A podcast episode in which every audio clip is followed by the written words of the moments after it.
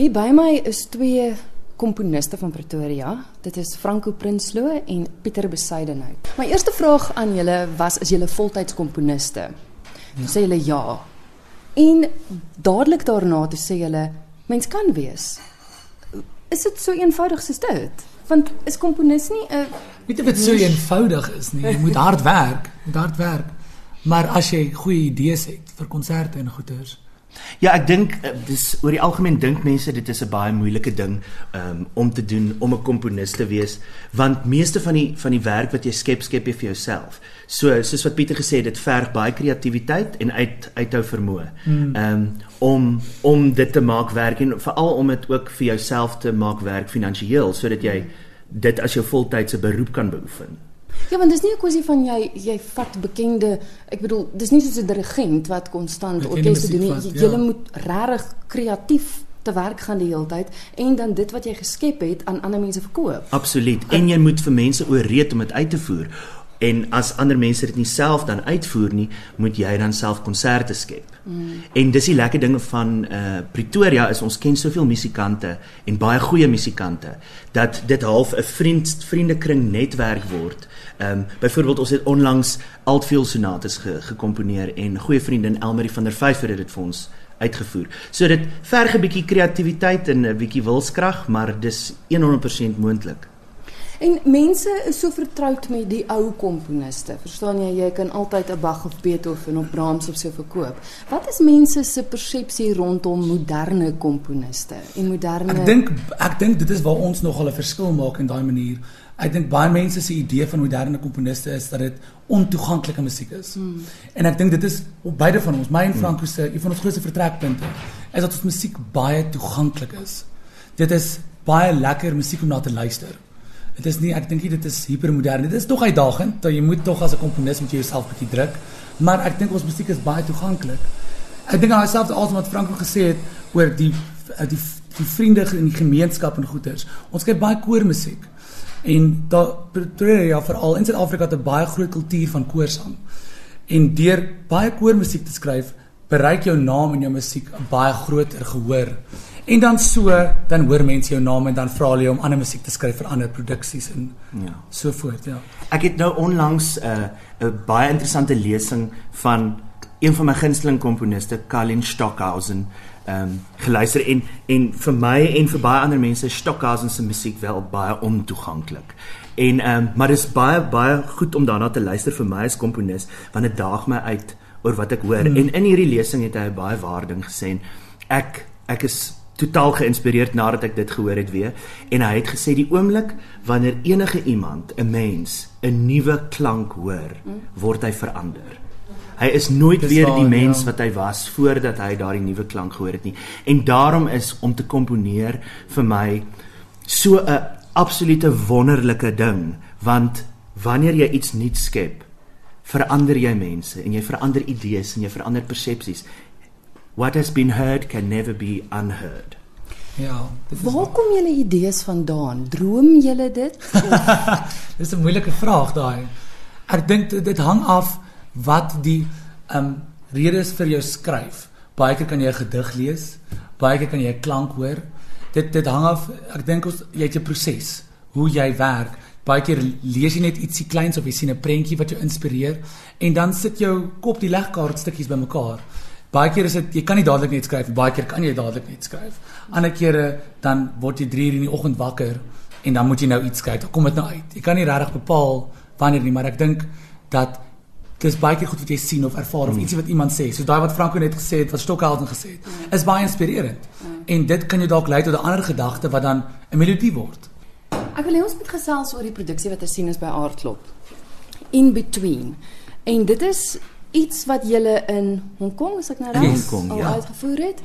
Vertel gou vir my, dis julle twee wat betrokke is by die produksie en dan's daar 'n sopraan en 'n harpspeler. Ek gaan nie hulle name probeer uitspreek nie, so doen julle dit asseblief.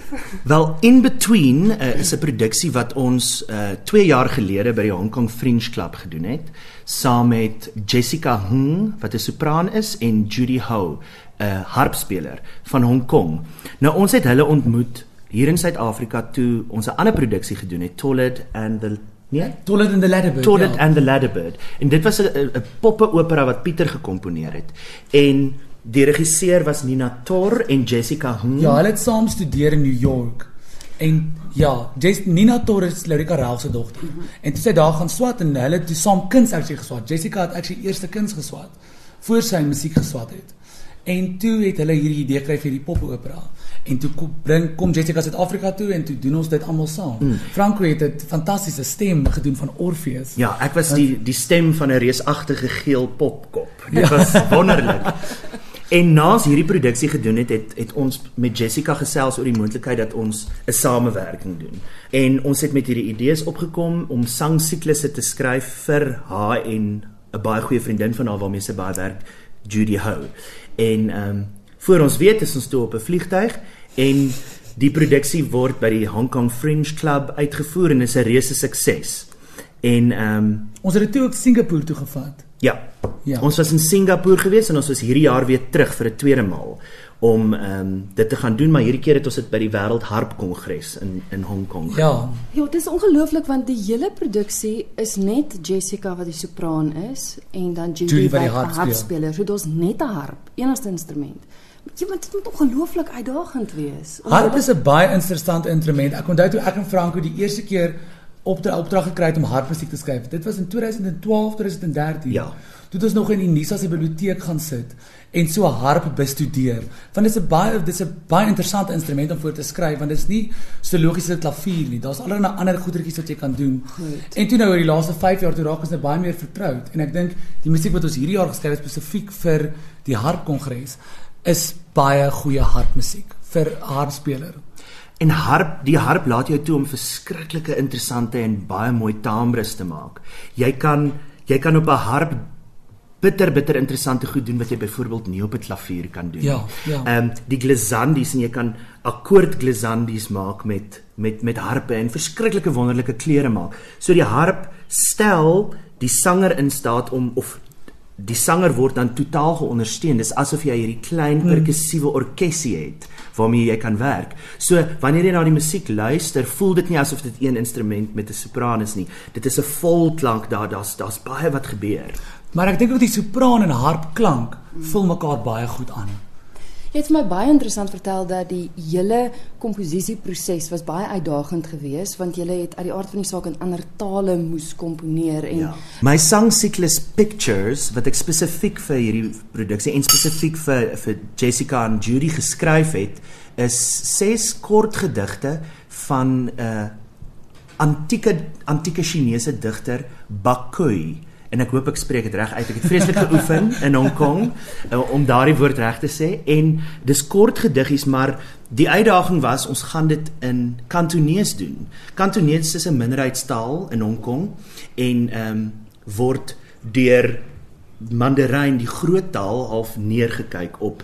Ah. En is interessant, daar is nie regtig klassieke musiek repertoire in Kantonees nie. Die standaard is dat dit in Mandarijn gesing word. Dit is 'n uh, 'n persepsie wat die mense het en Jessica het my gevra, "Maar kom ons komponeer iets spesifiek in Kantonees."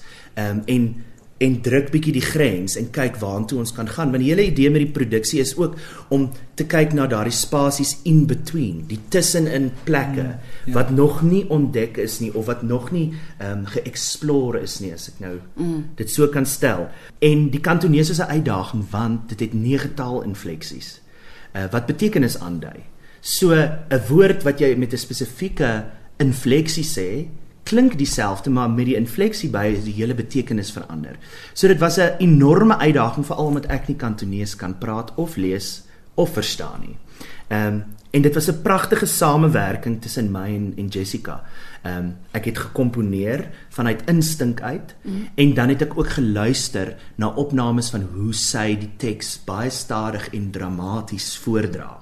En dan het ek dit genoteer. Ek het geluister na waar haar stem gaan en dit genoteer en dan het ek 'n eerste draft gemaak van die musiek en dan vir haar gestuur dan stuur sy terug met scribbles en pile en krabbeltjies en goed.